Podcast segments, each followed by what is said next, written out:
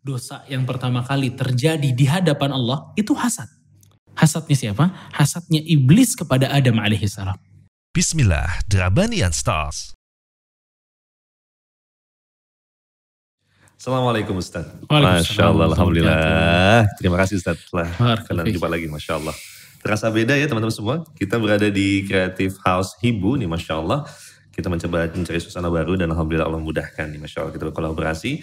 Dan Ustaz, kita akan mencoba tadi nih kan, membahas tentang misalnya ada perasaan gak nyaman ketika misalnya satu profesi melihat teman seprofesi lain mendapatkan sebuah keutamaan atau prestasi saja. Misalnya saya sebagai sebagai MC gitu kan ngelihat MC yang lain mendapatkan sebuah keutamaan kok Yep. ada rasa gak nyaman di hati atau mungkin MT dengan MT, Majlis Taklim dengan Majlis Taklim atau mungkin sesama geng kantor arisan, gitu ya. teman kantor banyak sekali saja.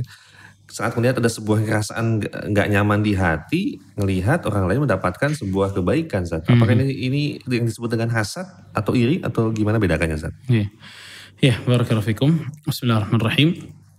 Em, memang apa ya hasad ini, ini penyakit yang di setiap hati manusia itu mampir nih penyakit. Masya Allah.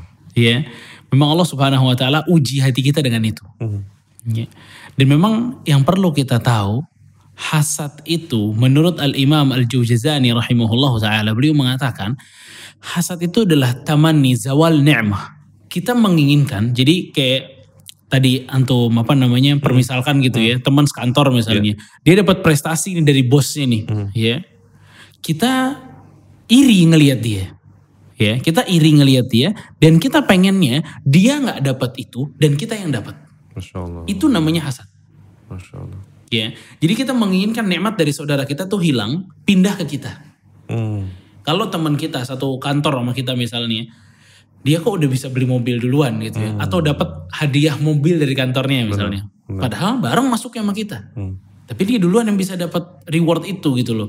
Dapat mobil atau dapat jalan-jalan dan seterusnya kita ngelihat dia iri banget. Ya. Dan kita bilang dalam hati kita kenapa mesti dia? Nah iya. gitu loh. Ya. Dan akhirnya timbul tuh perasaan dalam hati yang kita ingin mestinya saya yang dapat itu dia nggak dapat. Itu namanya hasad. Dan ini yang dilarang dalam agama kita.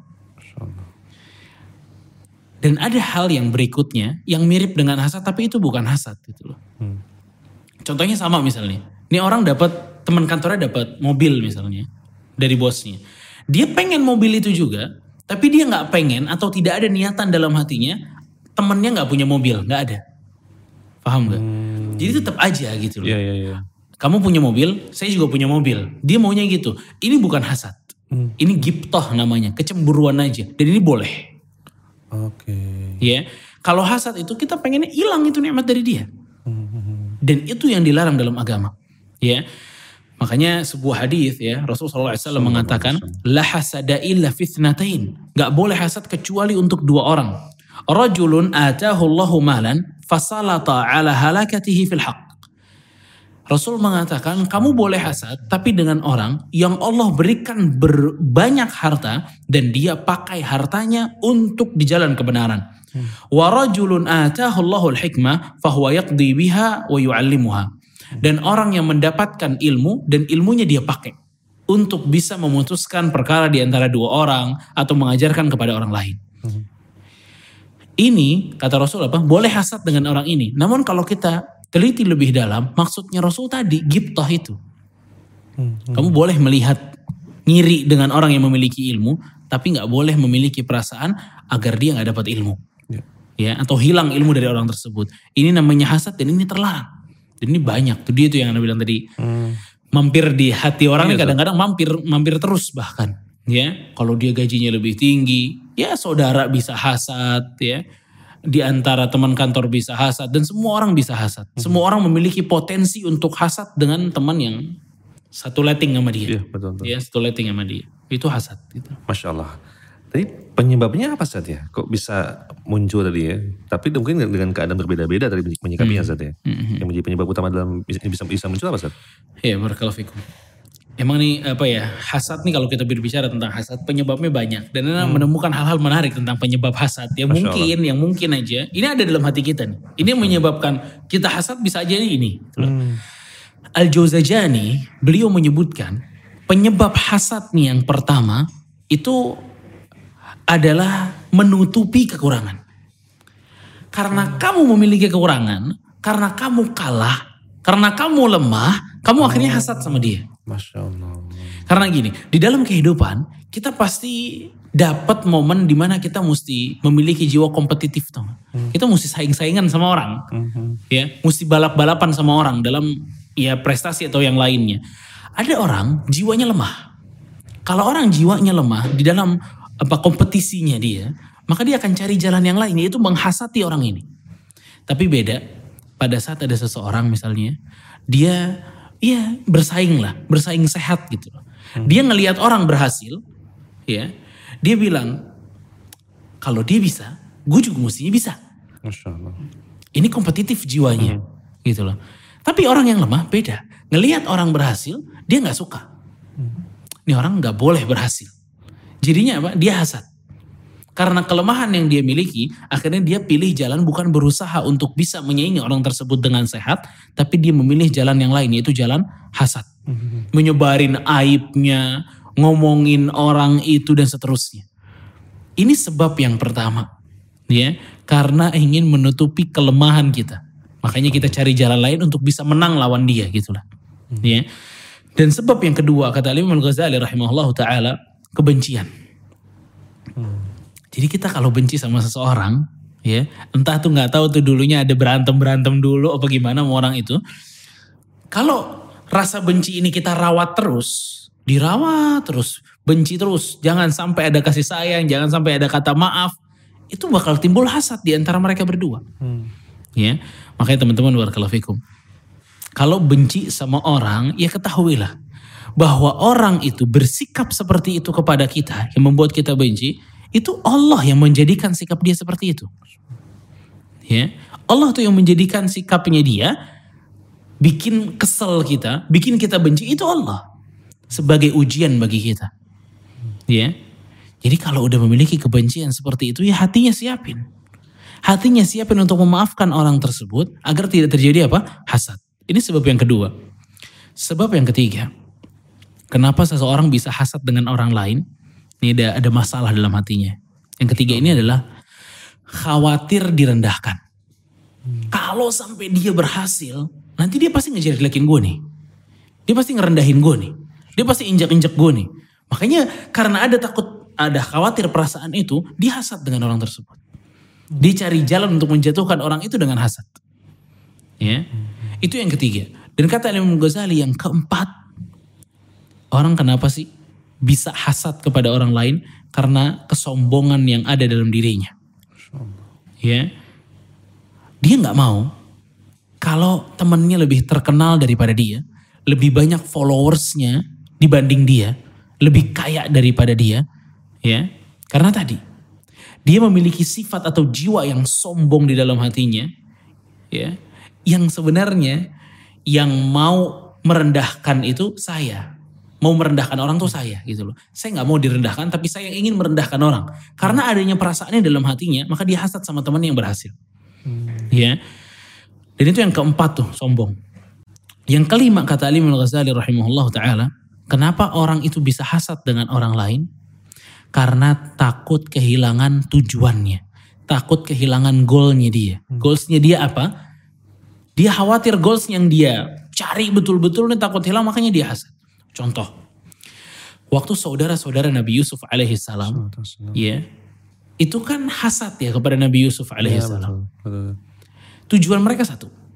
Mereka ingin ayahnya Nabi Yakub itu juga menaruh perhatian kepada mereka. Karena mereka merasa bahwa perhatian ayahnya ini hanya tertuju kepada adiknya Yusuf. Akhirnya hasadlah kepada Yusuf. Hasad kepada Nabi Yusuf alaihissalam sampai Nabi Yusuf dibuang. Ya, lihat. Maksud saya di sini adalah dia pengen lihat tujuannya agar kami disayang oleh ayah kami, gitu kan? Tapi kalau masih ada Yusuf, ayah kami gak bakal sayang. Makanya dia hasad. Maka dia khawatir banget kehilangan tujuannya Makanya dia hasad kepada Nabi Yusuf alaihissalam. Ya. Tujuan saya adalah bisa men, apa ya, memiliki posisi A dalam kantornya misalnya. Tapi ada saingan-saingan dia yang lain. Dia khawatir betul dengan saingannya, makanya dia hasad dengan saingannya. Takut tujuannya hilang. Itu yang kelima. Dan yang keenam, dan ini menurut Anda yang paling parah dari penyebab hasad yang ada pada diri seseorang. Hatinya busuk. Kita perhatiin apa enggak nih teman-teman sekalian barakallahu fikum. Itu lima-limanya yang saya katakan tadi. Itu semua tuh ada tujuan yang kita inginkan. Hmm. Gue takut direndahin. Rendahin, Gue pengen ngerendahin. Gitu loh. Tapi ada yang keenam, hatinya busuk aja. Dia pokoknya nggak suka ngelihat orang berhasil. Udah. Cuma itu aja bayangin. Ini hati luar biasa busuknya. Dan ini kata para ulama, hasad yang paling terparah ya ini. Dia nggak punya tujuan lain kecuali hanya gembira melihat orang susah. Udah. Ini luar biasa. Dia hasad tapi nggak punya tujuan apa-apa. Cuma pengen memuaskan dirinya. Kalau dirinya itu ngelihat orang susah bahagia. Wah ini hati-hati, ini hatinya busuk banget, ini rusak banget hatinya itu loh. Ya, maka ini enam ya penyebab yang dikatakan oleh para ulama tentang hasad. Masya Allah. Senang melihat orang lain susah ya Sad ya? Wih, Susah melihat orang lain senang, Masya Allah. Tapi tadi yang paling parah tadi sih ketika itu menjadi sebuah keburukan dalam hati Sad, jadi penyakit Sad ya. penyakit. Dan mungkin itu Sad yang mungkin separah itu kah sehingga mungkin disebutkan secara khusus dalam Al-Quran yang surat Al-Falaq itu Sad. Bahwa sesungguhnya keburukan hasad dan kita berlindung dari keburukan hasad. Saking- hasad iya, hasad. Saking parahnya gitu Sad ya. Saking parahnya betul betul. Dan itu tahu barakallahu fikum ini hasad. Dosa yang pertama kali, dosa yang pertama kali terjadi di hadapan Allah itu hasad. Allah. Awal ma'usiyallahu bihi al-hasad. Maksiat yang pertama kali terjadi di hadapan Allah hasad. Hmm. Hasadnya siapa? Hasadnya iblis kepada Adam alaihissalam. Ya, hasadnya iblis kepada Adam alaihissalam. Makanya Allah Subhanahu wa taala mengatakan dalam surat Al-A'raf ya, ayat 11 sampai 12. Pada saat Allah mengatakan walaqad khalaqnakum thumma sawwarnakum thumma qulna lil malaikati isjudu li adama fasajadu illa iblis. Allah mengatakan kami telah menciptakan kalian, telah membuat rupa bagi kalian dan kami katakan kepada malaikat kata Allah. Sujudlah kalian kepada Adam. Fasajadu illa iblis. Semuanya sujud kecuali satu. Iblis kata Allah. Lam yakum minas sajidin. Dia tidaklah ikut sujud dengan yang lain. Qala ma mana'aka tasjuda. Allah mengatakan, kenapa kamu tidak ingin sujud dengan apa yang telah aku perintahkan kata Allah. Iblis mengatakan, ana khairun minhu khalaqtani min nar wa khalaqtahu min tin. Aku lebih baik daripada Adam. Aku diciptakan dari api, sedangkan Adam ini hanya dari tanah. Ya. Dan ini ya kata para ulama ini adalah dosa yang pertama kali terjadi di hadapan Allah Jalla wa'ala. Hasadnya iblis kepada Adam. Ya, hasadnya iblis kepada kepada Adam. Dan belum selesai ini. Karena hasadnya iblis kepada Adam, besarnya hasadnya iblis kepada Adam, ya. Itu kita ngerasain dampaknya sampai hari ini. Oh, Sebagai kita turunan Adam, Betul. ya, kita merasakan dampaknya sampai hari ini. Itu kan ayat 11 sampai 12. Hmm. Itu di ayat 16 sampai 17. Iblis bilang lagi sama Allah. Qala fabima aghwaytani la'uq'ad- la'aq'udanna lahum siratakal mustaqim. Ya Allah, sebagaimana engkau telah murka kepadaku, aku akan rusak jalannya para manusia. Gara-gara hasadnya awal ini. Hmm.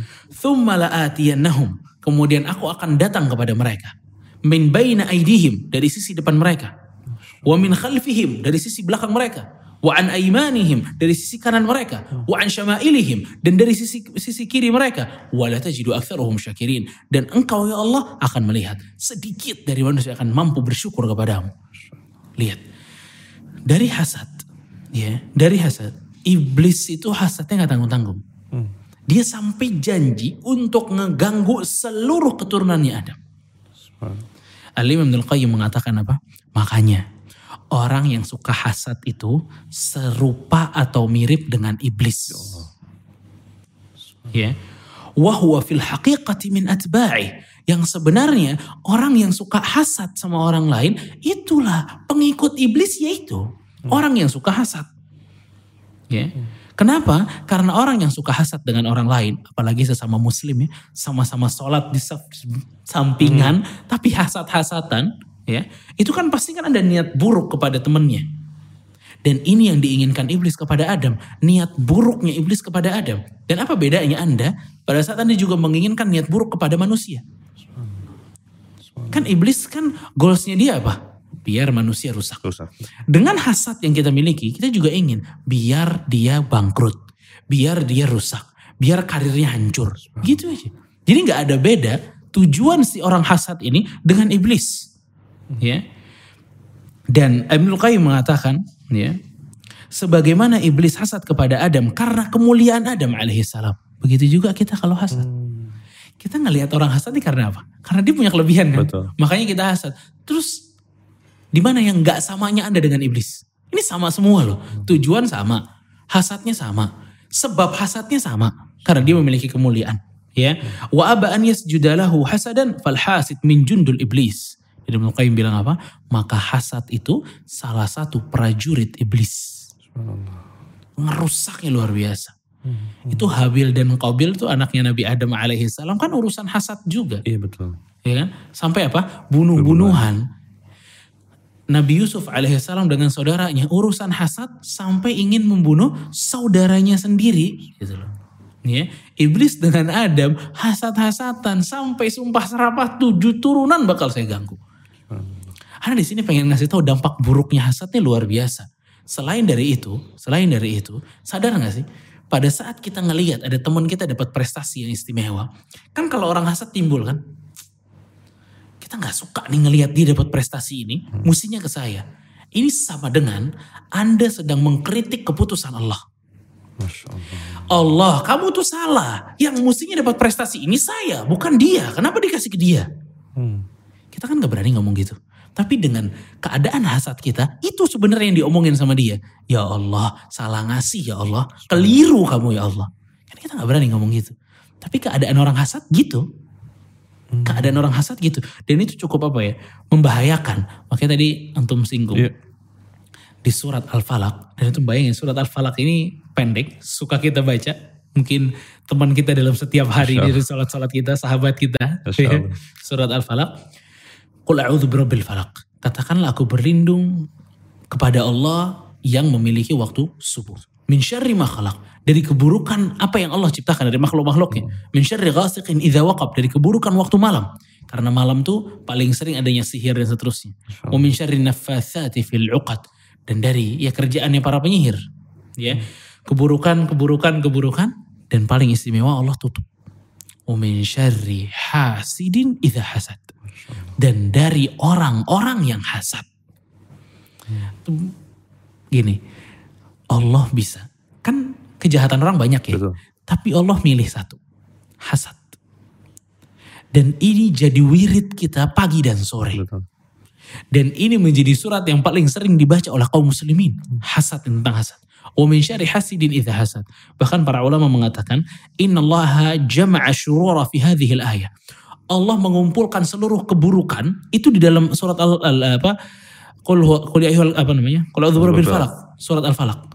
Semuanya keburukan. Wa min syarri ma khalaq. Dari seluruh ciptaanmu ya Allah, makhluk-makhlukmu yang buruk, aku berlindung dari mereka. Keburukan, keburukan, keburukan ditutup dengan keburukan hasad. Liya'lama annahu akhassu taba'i.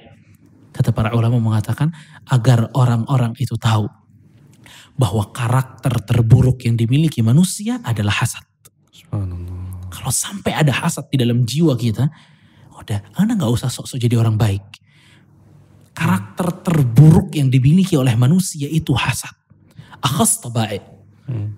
Gak mampu dia ngelihat saudaranya memiliki prestasi, gak mampu dia. Gak sanggup hatinya. Wah ini bahaya. Dan memang ya Imam Abdul Qayyim rahimahullah beliau juga pernah mengatakan bahwa hasad ini mampir ke orang baik mampir ke orang yang gak baik apalagi tapi bedanya kalau orang baik itu ditekan rasa hasadnya hmm. dia nggak mau keluarin nggak terus jadi praktek hasad gitu yeah, yeah, yeah. nggak langsung dijalanin hasadnya enggak tapi kalau orang buruk nggak mampu dia nahannya Oh dia bakal habis-habisan mengusahakan agar dirinya puas dari dari apa? Dari hasadnya. Dan yang menambah para hasad ini ya bahwa hasad ini adalah sifat yang dimiliki oleh para orang Yahudi. Anda punya satu kajian waktu itu. kajian itu Anda berikan judul anti Yahudi kalau nggak salah. Oh, Masya Allah. Ya, anti Yahudi. itu teman-teman yang bikinin kajiannya bingung aja gitu loh. Kenapa judulnya kayak anti Yahudi? Waktu itu emang ada isu apa gitu Yahudi ya. Fa, akhirnya udah buat kajiannya, mereka mungkin mikirnya anti Yahudi ini berarti kita akan boykot merek ini, merek itu, merek ini, merek itu, kita bakal persiapan jihad apa segala macam. Anda bilang kita anti Yahudi bukan hanya di status kita doang. Kita anti Yahudi itu bukan hanya di tulisan-tulisan kita doang, tapi kita harus anti kepada Yahudi, anti terhadap sifat-sifat mereka. Karena salah satu sifatnya orang Yahudi itu adalah hasad kepada kaum muslimin Masya Allah. ya. Dan ini adalah salah satu karakter Yahudi yang paling menonjol. Pada saat Allah mengatakan dalam surat Al-Baqarah 109, Allah mengatakan, "Wadda katsirun min ahli kitab ya, law yaruddunakum min ba'di imanikum kuffara." Para ahli kitab, mereka ini sangat menginginkan kalian kaum muslimin pindah agamanya. Enggak lagi Islam lagi. Bukan untuk nggak mesti masuk agama mereka enggak. Ini aneh ini. Lihat. Nggak mesti masuk agama mereka. Hasadan min indi anfusihim. Dia cuma hasad ngelihat kalian berada di atas Islam. Subhanallah. Dia nggak minta kita masuk agama dia enggak. Yang penting keluar dari agama Islam Anda. Ya. Dan ini menunjukkan kata Syekh Ibn Utsaimin, ayat ini menunjukkan haramnya hasad. Jadi ini sifat yang haram ini. Kalau kita keluarkan itu sifat yang haram. Kenapa sifatnya haram? Karena hasad merupakan karakter khusus orang-orang kufar dan menyerupai orang kufar dari sisi akhlak mereka pun haram. Masya Allah. Ya. Dan beliau menambahkan, Syekhul Utsaimin menambahkan, wal hasid la yazdad bihasadihi ila naran tataladha fi jawfi. Dan orang yang hasad, tidaklah hasad itu menambah kecuali rasa panas yang ada dalam tubuhnya. Kita kan cuma panas doang kalau hasad kan. Puas juga enggak. Ya, betul. Ya, cuma panas aja, ya. Dan di dalam ayat yang lain dalam surat An-Nisa ayat 54 Allah Subhanahu wa taala mengatakan Yahsuduna an-nasa ala ma atahumullahu min fadlih faqad atayna ala Ibrahim al-kitaba wal hikmata wa atainahum mulkan 'azima. Allah mengatakan, apakah manusia itu pada hasad dari apa yang telah Allah berikan kepada yang lain? Jadi Allah seperti mendefinisikan hasad dalam surat An-Nisa 54. Kata Allah, kenapa manusia pada hasad dengan sesuatu yang Allah berikan kepada A tidak diberikan kepada Anda? Udah. Kenapa mesti hasad? Kami telah memberikan kepada Nabi Ibrahim dan keluarganya Alkitab wal hikmah. Kitab dan juga hikmah. Wa atainahum mulkan azima. Dan kita berikan kepada keluarga Nabi Ibrahim kerajaan yang begitu besar. Al-Qurtubi mengatakan, wahada huwal hasad. Ini nih hasad nih. Pada saat kita iri dengan pemberian Allah kepada seseorang. Ya. Dan kita inginnya apa? Allah tidak memberi orang tersebut. Ya makanya tadi saya katakan juga kan bahwa hasad ini sebenarnya ngeritik dari apa keputusan Allah gitu loh. Salah nih Allah ngasih dia gitu loh. Dan ini berbahaya ya. Dan terdapat sebuah hadis ya dari Anas bin Malik radhiyallahu anhu. Waktu itu Rasulullah SAW mengatakan, La tabaghadu wa la tahasadu. Jangan saling membenci, jangan saling hasad. Wa la tadabaru. Dan jangan saling musuhan. Wa kunu ibadallahi ikhwana. Dan jadilah hamba-hamba Allah yang saling bersaudara. Masya Allah. Jadi sebab yang menjadikan banyaknya perpecahan di antara saudara itu adalah hasad. Masya Allah. Ya. Jadi maksud saya di sini hasadnya bisa saking buruknya hasad dia bisa masuk ke mana aja. Bahkan ke orang yang deket banget, ya seperti saudara, gitu ya, itu bisa gitu. Kakak adik dilahirkan satu lewat satu ayah dan satu ibu yang sama, itu bisa hasad. Gitu loh. Gimana selain dia? Gimana selain saudara? Ya mungkin tidurnya bareng, masa kecilnya bareng, makannya bareng, semua minumnya bareng. Hasad bisa terjadi di antara mereka. Mhm. Ya. Makanya apa namanya? Hasad ini dampaknya luar biasa buruk gitu loh. Ya, buruk banget mulai dari dosa kecil sampai dosa yang begitu besar, kezaliman yang begitu besar. Masya Allah. Tapi menariknya adalah tadi hasanah adalah sebuah dosa. Kemudian juga ada sisi lain dosa tersebut adalah saat menyerupai sifat kaum Yahudi tadi. Iya. Itu juga dosa ya. Iya. Masya Allah. Masya Dua Allah. kali berarti ya. Dua kali double nih. Teman-teman sekalian, Bu Ensis bahwa kalau untuk pembahasan Yahudi ini Alhamdulillah kita pernah bahas tadi. Iya kita pernah bahas tuh. Bahas secara khusus di eh, episode Enemy of the Din. Silakan bisa langsung disimak ke sana. Masya Allah. Baik Ustaz, terkait tentang tadi saat ya. Iya. Nampaknya memang hasad tadi menghampiri setiap diri saat ya. Kayaknya sulit untuk menghindarkan pasti itu Iya. datang gitu kan. Tadi kalau saya sampaikan orang beriman itu berusaha untuk menekannya. Iya. Sementara orang eh, buruk adalah sebelum men- me- mengeluarkannya, melampiaskannya. Ustaz. Nah mungkin Ustaz bisa berbagi tips Ustaz. Mungkin mungkin nggak bisa menghindari semua itu gimana caranya supaya bisa nahan banget Ustaz, supaya nggak hasad. Emang ini apa ya? Hal yang butuh sebenarnya sama kita nih. Kita orang nggak hasad itu enak sebenarnya. Hatinya adem. Adem, lapar. Iya. ya. Cuma kan kalau kita lagi mampir hasad tuh panas tuh gitu loh. Iya, Ustaz. Al-Imam Ibnu Qayyim rahimahullah, beliau mengatakan atau langkah pertama agar diri kita bersih dari hasad, qat'un nazar 'anin nas. Jangan kebanyakan kepo dengan orang. Hmm. Insya Allah. Ini bikin masalah gitu loh. Iya. Orang punya ini hasad, orang punya itu hasad, ya. Kita follow si A, ngelihat dia upload dia punya ini, punya itu, hasad. Dia dapat jabatan ini, hasad. Emang masalahnya di kita juga gitu loh. Iya sih Ustaz. Terlalu kepo jadi orang. Mau tahu aja orang kena kenapa nih, dapat apa, mau tahu aja. Apalagi Fudul abis nih orang-orang. terfasilitasi dengan medsos Ustaz ya. Apalagi, Zaman apalagi. dulu kan jendela doang jendela saat. Jendela. Intip, wah tetangga nanti mobil baru nih.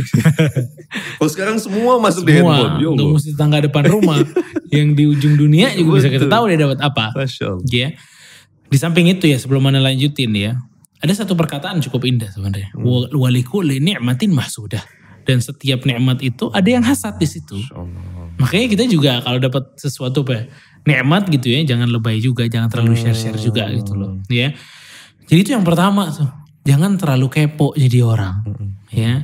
Dan udah gantungkan diri Anda kepada Allah. Pada saat Allah memberikan kepada teman kita sesuatu yang istimewa, ya udah Allah emang pengen ngasih dan itu kebaikan buat orang tersebut. Gitu Ya. Jadi gak usah terlalu kepo lah, ya. Yang kedua, at-tarbiyatu منذ tufulati ala hubbil khair linnas. Cara kedua, agar diri kita ini nggak sering hasad adalah pendidikan dari kecil untuk mencintai kebaikan untuk orang lain. Masya Allah. Pendidikan dari kecil untuk membiasakan diri senang kalau orang dapat kebaikan, bukan hasad. Ya, jadi memang banyak orang dari mungkin dari kecilnya gitu terus gitu loh. Ibu dan bapaknya suka anaknya bersaing untuk ranking satu, tapi ditambahin bumbu hasad. Hmm. Ya, kamu kok kalah sama si dia sih? Oh, dia ranking iya. satu loh. Kamu mesti bisa ranking satu. Udah nanti, ya, kamu kerjain dia aja, biar dia telat datangnya. Loh ini kan tuh bumbu hasad nih gitu loh. Kita nggak apa-apa suruh anak kita bersaing atau diri kita bersaing secara apa namanya, secara sehat nih nggak apa-apa. Itu bukan hasad tuh secara yang bersa- Secara sehat itu bukan hasad. Ya, hasad itu pada saat kita menginginkan dia tidak mendapatkan nikmat itu. Ya, itu baru hasad. Makanya butuh pendidikan dari kecil mencintai kebaikan untuk orang lain. Karena kan banyak pepatah mengatakan kalau Anda ingin bahagia, bahagiakan orang lain. Ya, makanya dalam hadis Rasulullah SAW mengatakan, ya, Inna Allah fi auni al-abdi maka al-abdu fi auni akhi. Allah akan membantu seorang hamba selama hamba tersebut membantu orang lain. Ya, membantu orang lain. Dan Islam kalau secara keseluruhan kita lihat, memang salah satu tujuan Islam adalah bukan hanya membahagiakan diri, tapi juga ikut membahagiakan orang lain. Ya Nabi SAW berapa banyak menghibur orang dengan segitu segudang kesibukan Nabi SAW, segudang masalah Nabi, tapi nggak pernah luput untuk bisa membahagiakan orang. Gitu loh. Ya, dan itu yang kedua. Yang ketiga agar kita hati kita bisa bersih dari hasad adalah ridho dengan pemberian dari Allah. Allah. Ya udah ridho deh. Relain deh udah Allah kasihnya itu ke dia, ngasih kamu yang ini. Udah relakan udah. Ya, relakan. Karena Allah mengatakan dalam surat Az-Zukhruf ya ayat 32 Allah mengatakan nahnu qasamna bainahum ma'isyatahum fil hayatid dunya. Kami telah membagi kata Allah ma'isyah mereka di kehidupan dunia ini. Jadi Allah yang bagi gitu loh. Ya Allah bagi ke siapa pun yang dia inginkan. Fil hayatid dunya wa rafa'na ba'dahum fawqa ba'dhin darajat. Dan Allah meninggikan yang ini yang ini tidak ditinggikan dan ini semua pembagian dari Allah Jalla wa'ala. Dan inilah takdir dari Allah subhanahu wa ta'ala. Ya, maka ini tips yang ketiga agar hati kita lapang dari hasad. Kalau ngelihat orang ya udah, followers kok banyak ya. Followers yang kita kok sedikit banget ya. Kerjaan kita kok jobnya sedikit banget, kerjaan dia jobnya banyak banget. Ya udah, itu pembagian dari Allah buat A segitu, buat kita segitu. Ya. Dan ingat, kalau kita pengen ngelawan takdir Allah akan kesusahan sendiri, akan kesel sendiri, akan bete sendiri. Karena ini sesuatu yang nggak bisa dilawan. Ini sesuatu yang bisa dipasrahkan, udah. Udah datang takdir selesai. Kalau dilawan pasti ribet sendiri. Ya, ya ngapain sih? Punya apa kita sampai ngelawan keputusan Allah punya apa? Itu nggak mungkin gitu loh, nggak mungkin menang. Gitu. Ya. Dan yang keempat, ini hal yang penting kita hasad sama orang. Ya. Kita hasad sama orang, kita benci orang-orang, membicarakan tentang teman kita dengan begitu luar biasa. Anak ketemu Kang Alvin itu ngomongin si A yang anak kesel. Oh itu orang hebat ya, luar biasa ya. Anak datang ke si B, ya Allah dipuji lagi. Anak hasad loh sama dia nih. Tapi kalau semua orang muji dia, oh itu kan hati sangat berapi-api sekali untuk menjatuhkan orang itu. Maka agar bersih dari hasad, fight lawan. Lawan tuh hasad itu. Dengan apa? Ikut menyebutkan sifat baik orang tersebut. Masya Allah. Dilawan hasadnya dengan itu. Ya. Si A tuh baik loh. Nah ngobrol sama antum, mana hasad sama orang itu. Antum lagi membanggakan dia, anak ikut membanggakan. Ya. Wah itu bener banget tuh. Gue tahu banget dia orangnya luar biasa. Bagus banget, baik banget, cerdas banget dan seterusnya. Ya. Kita lawan apa yang ada dalam diri kita. Ya. Dan kata Imam Abdul Qayyim rahimahullah ta'ala, dan ini adalah langkah yang tersulit. Ya, langkah sulit banget. Kita disuruh lawan perasaan kita yang begitu berapi-api di dada kita ini. Uh, pengen gue bongkar bobroknya dia karena hasadnya kita, tapi salah senjata. Ya, salah senjata gitu loh. Yang benar gimana? Sebutin kebaikannya. Ya Allah. Sebutin kebaikannya, sebarkan ke- kebaikan orang ini, prestasinya, dia upload di IG-nya. Hasad abis. Retweet aja. Congratulations, selamat barakallah fik. Lawan tuh hasad tuh. Lawan. Emang mesti dilawan gitu loh. Memang mesti dilawan gitu. Ya.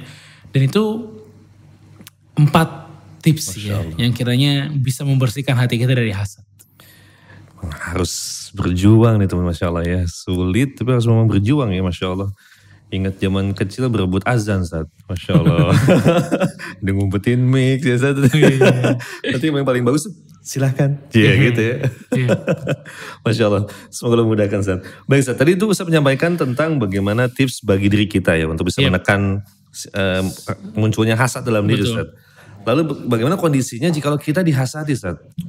Gitu, Kita dihasati, orang hasad lain hasad kita. kita gitu ya. Mungkin berbagai cara-cara cara ya, mungkin ada ada mendengar omongan orang, tapi kan lebih banyak lagi tersembunyi Ustaz ya. Hmm. Hasad tersembunyi sehingga apa Ustaz? Ada istilah eh, efeknya tuh ain Ustaz ya. Sihir mungkin. Iya betul, sihir juga. itu Ustaz. Mungkin bisa kita bahas. Itu kalau Dhuhr bil falak itu kan sihir semua kan. Iya kan? Ah, iya, di, ta- di terakhir, ayat terakhir itu ditutup pakai hasad. Jadi orang kenapa bisa nyantet si A gitu loh. Bisa kirim apa namanya? Iya. Kirim-kirim apalah ya. Itu bisa berawal dari hasad. Betul betul. Di pembunuhan Qabil dan Habil kok mulai dari hasad juga kok. Dibunuh loh orang tuh gara-gara hasad. Gitu loh. Hmm. Sihir gara-gara hasad. Mulai dari santetnya dan kawan-kawannya Iya, iya, itu iya, iya. berasal dari hasad. Banyak banget berasal dari hasad. Oh, Maka begitu kita selamat dari perkara yang satu ini, insya Allah dari dosa-dosa yang lain lagi, yang buntutnya Hmm. hasad ini, kita juga bisa selamat gitu loh. Kalau sebabnya kita udah matiin, yang lain ke atasnya juga insya- insya Allah bisa mati juga gitu loh. Ya. Nah itu apa namanya dari dari bahayanya. Dan kalau antum tanya tentang gimana kalau sebaliknya, kita tahu nih orang hasad sama kita nih, ya. Atau kita khawatir orang itu hasad sama kita. Ya. Langkah pertama, birabbil falaq. Balik lagi doanya. Banyak-banyak berlindung kepada Allah Subhanahu wa taala. Karena tadi orang yang hasad ini efeknya dia tuh banyak banget buat kita gitu loh. Ke mana-mana efeknya ngerusak diri kita. Ya, maka barakallahu fikum ini berlindung kepada Allah Subhanahu wa taala dengan baca qul a'udzu birabbil falaq. Minta doa kepada Allah Subhanahu wa taala. Itu yang pertama tuh. Yang kedua, bertakwa kepada Allah. Banyak-banyak bertakwa kepada Allah Subhanahu wa taala.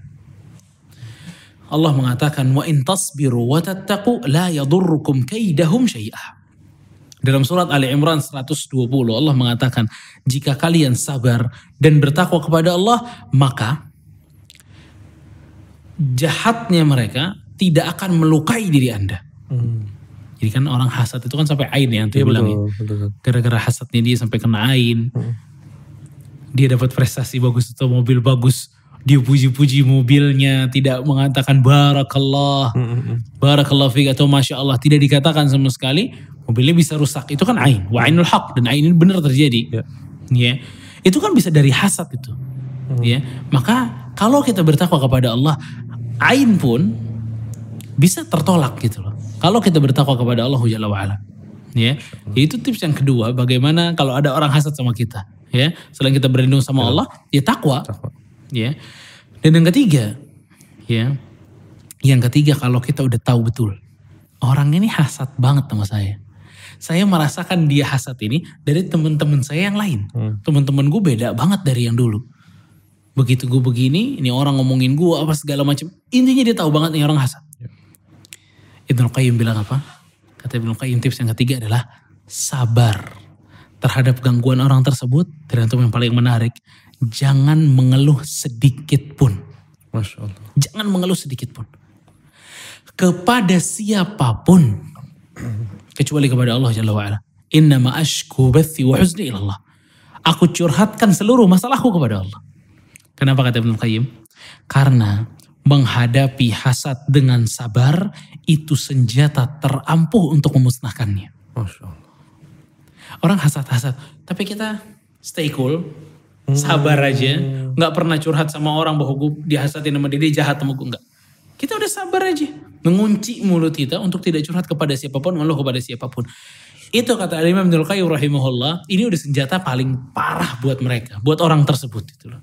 Kita lagi hasad-hasadin orang, ya, kita lagi hasad banget sama orang, ternyata orang itu nggak ada efek sama sekali. Waduh, tambah gondok kita ya tambah panas kita tambah tambah hasad lagi tambah diem lagi dia tambah sabar lagi dia nanti ada waktu di mana dia udah nggak sanggup lagi untuk hasad karena udah semua jalannya tertutup ya semua jalannya tertutup. Ya. Dan yang keempat agar kita bisa menghindari orang yang hasad kepada kita adalah dan ini termasuk yang paling sulit ya. Dan tadi yang keempat juga Ya. paling sulit yang keempat sekarang juga paling sulit. Masya Allah. berbuat baik kepada orang yang hasad kepada anda. Masya Allah. sabar aja lagi bingung kita. Ya. Ini berbuat baik ya Al Imam Ibn Al Qayyim rahimahullah taala beliau mengatakan itfa'u naril hasid wal baghi wal mu'zi bil ihsani ilaih. Memadamkan api hasad itu dengan berbuat baik kepada orang tersebut. Kullama izdada adha wa syarran wa baghyan wa hasadan izdadat ilaihi ihsana. Pada saat kita tahu bahwa kebencian dia sama kita semakin membara, hasadnya dia semakin kencang sama kita, semakin baik kita sama dia. Ya. Dan ini apa namanya sebab tersulit kata Imam Masya Qayyim rahimahullah taala untuk bisa menghindari diri kita dari apa? Dari hasad. Ya. Dan apa namanya? Al-Imam Ibnu Qayyim rahimahullah beliau mengatakan, kenapa sih kita harus juga berbuat baik kepada orang yang jahat sama kita kan dia jahat sama kita. Betul. Tapi kita dituntut berbuat baik. Kata Ibnu Qayyim memiliki satu analogi yang cukup indah menurut saya di dalam surat Fussilat dia bawain. Ya. Pada saat Allah Subhanahu wa taala dalam surat Fussilat ini maknanya pada saat Allah Subhanahu wa taala kita semua tahu ya, ini semua nikmat dari Allah. Allah baik sama kita, tapi kita nggak sebaik itu sama Allah. Tapi reaksinya Allah apa? Apakah Allah akan mengazab setiap hukuman yang kita salah langsung ditimpa azab, langsung ditimpa azab? Enggak. Wa ma asabakum min musibatin fabima kasabat aydikum wa ya'fu an katsir. Tidaklah ada satupun musibah yang terkena kepada kalian kecuali ulah dari kalian sendiri. Wa ya'fu an katsir, tapi yang diampuni oleh Allah lebih banyak lagi. Berarti Allah tuh nggak satu lawan satu, paham nggak? Ya. Maksiat satu langsung dihukum satu. Enggak. Kalau begitu mati semua. Hmm. Oke. Kata Imam Abdul Qayyim rahimahullah, sekarang Allah tuh memuamalah bermuamalah dengan Anda dengan cara seperti itu. Anda berikan keburukan, Allah berikan kebaikan. Maka sekarang kamu tiru. Muamalah itu kamu tiru. Orang itu berbuat buruk kepadamu, kamu berbuat baik dong sama dia. Kamu kan ingin Allah selalu seperti itu sama kamu, sekarang kamu berbuat itu kepada orang lain gitu. Maka ini kata Abdul Qayyim rahimahullah merupakan tips yang tersulit tapi ini kalau bisa ini insya Allah selesai itu. Urusan orang yang hasad sama dia. Masya Allah. Tips yang diberikan termasuk tips pamungkasnya nih Masya Allah ya. Mudah-mudahan kita bisa mengamalkan secara bertahap dan syukur-syukur ya. Semoga Allah hindarkan kita dari hasad dan juga menghasati orang lain saat ini Masya Allah. Ada satu doa Rasulullah SAW mengatakan, ini hasad kan permasalahannya hati. Iya. Ya. Rasul pernah mengatakan dalam doanya, dan ini Rasulullah yang baca doa ini. Allahumma ati nafsi taqwaha wa zakkiha wa anta khairu man zakkaha anta waliyuha wa maulaha. Allahumma ati nafsi taqwaha. Ya Allah berikanlah hatiku ini ketakwaan. Masya Wa zakkiha. Dan bersihkanlah hatiku. Ini bersih dari semuanya nih. Dari hasad juga kita minta gitu. Wa zakkiha wa anta khairu man zakkaha. Dan engkau adalah sebaik-baik yang membersihkan hati. Anta waliyuha wa maulaha. Dan engkaulah pemilik hatiku. Ya, makanya doa ini bisa di apa namanya dihafal dan diamalkan ya agar kita terbebas dari sifat hasad dalam diri kita. Amin ya rabbal alamin. Masya Allah. Mumtaz, Masya Allah. Syukran Ustaz atas waktu dan kesempatannya. Masya Allah. Teman-teman sekalian, berat memang ya. Tapi kita harus berjuang dan sama-sama. Dan termasuk juga dengan asupan obrolan ilmu seperti ini. Sebuah penyemangat buat kita insya Allah. Masya Allah. Ustaz atas, atas, atas waktunya. Masya Allah. Dan juga kami ucapkan terima kasih kepada Samasen yang telah mensupport wardrobe yang kita gunakan pada kali ini. Masya Allah. Yang kita gunakan adalah eh, Kemko, Kurta, dan juga masih banyak lagi. Ada apa namanya, Sirwal, pantalon, kemudian juga Bini Head, kemudian hingga ke shoesnya juga ada. Masya Allah, silakan langsung dicek di Instagramnya Samase. Atau mau datang langsung, silakan bisa datang ke Samase Home Buah Batu Bandung atau Samase Home Jakarta Tanah Abang dan juga Samase Research yang, lagi- yang banyak lagi insya Allah Mas. Dan juga Ustaz, terima kasih banyak nih kepada Kopi Bian nih Ustaz, Masya Allah. Masya Allah. Masya Allah. Emang Tahu ini ya. mesti tahu saat ya. Akhir-akhir sesi ini baru mulai mau ngopi nunggu break dulu nih Masya Allah. Bagi yang suka ngopi ada kopi susu aren Sat, Masya Allah. Kemudian juga yang segar-segar ada almond leci kurma. Masya Allah. Mana Dan juga leci leci kurma sukari. Masya Allah. Dan juga pas banget lagi situasi hujan-hujan kayak begini ada minuman juga rempah Stat. Ada berempah ruah Masya Allah. Minuman rempah alami menghangatkan dan baik untuk jaga stamina. Betul Ustaz? Masya Allah. Kemudian juga komposisinya ada jahe, serai, madu, lemon, dan lain-lain. Cocok ya, pas ya buat teman-teman hujan ya untuk diiniin. Silakan langsung ke kepoin berfaedah ya. Ini kalau ini kepo berfaedah saat insya Allah ya. Kita me- mengkepoin usaha sahabat kita Masya Allah. Silakan cek Instagramnya di @kopibian atau bisa langsung datang ke Tebet Barat atau bisa pesan via online. Kopi Bian dengan hashtagnya adalah semoga harimu penuh berkah. Masya Allah, jazakumullah khair. Dan juga kembali kita mengucapkan terima kasih kepada Hibu Creative House nih, Masya Allah yang telah mensupport kegiatan kita pada kali ini nih, Masya Allah. Hibu Creative and Branding Strategic, silakan bisa dicek Instagramnya di @hibu.id. Kemudian juga channel YouTube-nya ada eh, Hibu dengan tagline The New Generation of Creative Media. Jazakumullah khair, semoga Allah mudahkan kita untuk bisa terus berkolaborasi insya Allah. Baik, Ustaz terima kasih banyak. Kita akan akhiri. Wassalamualaikum warahmatullahi wabarakatuh. Waalaikumsalam warahmatullahi wabarakatuh.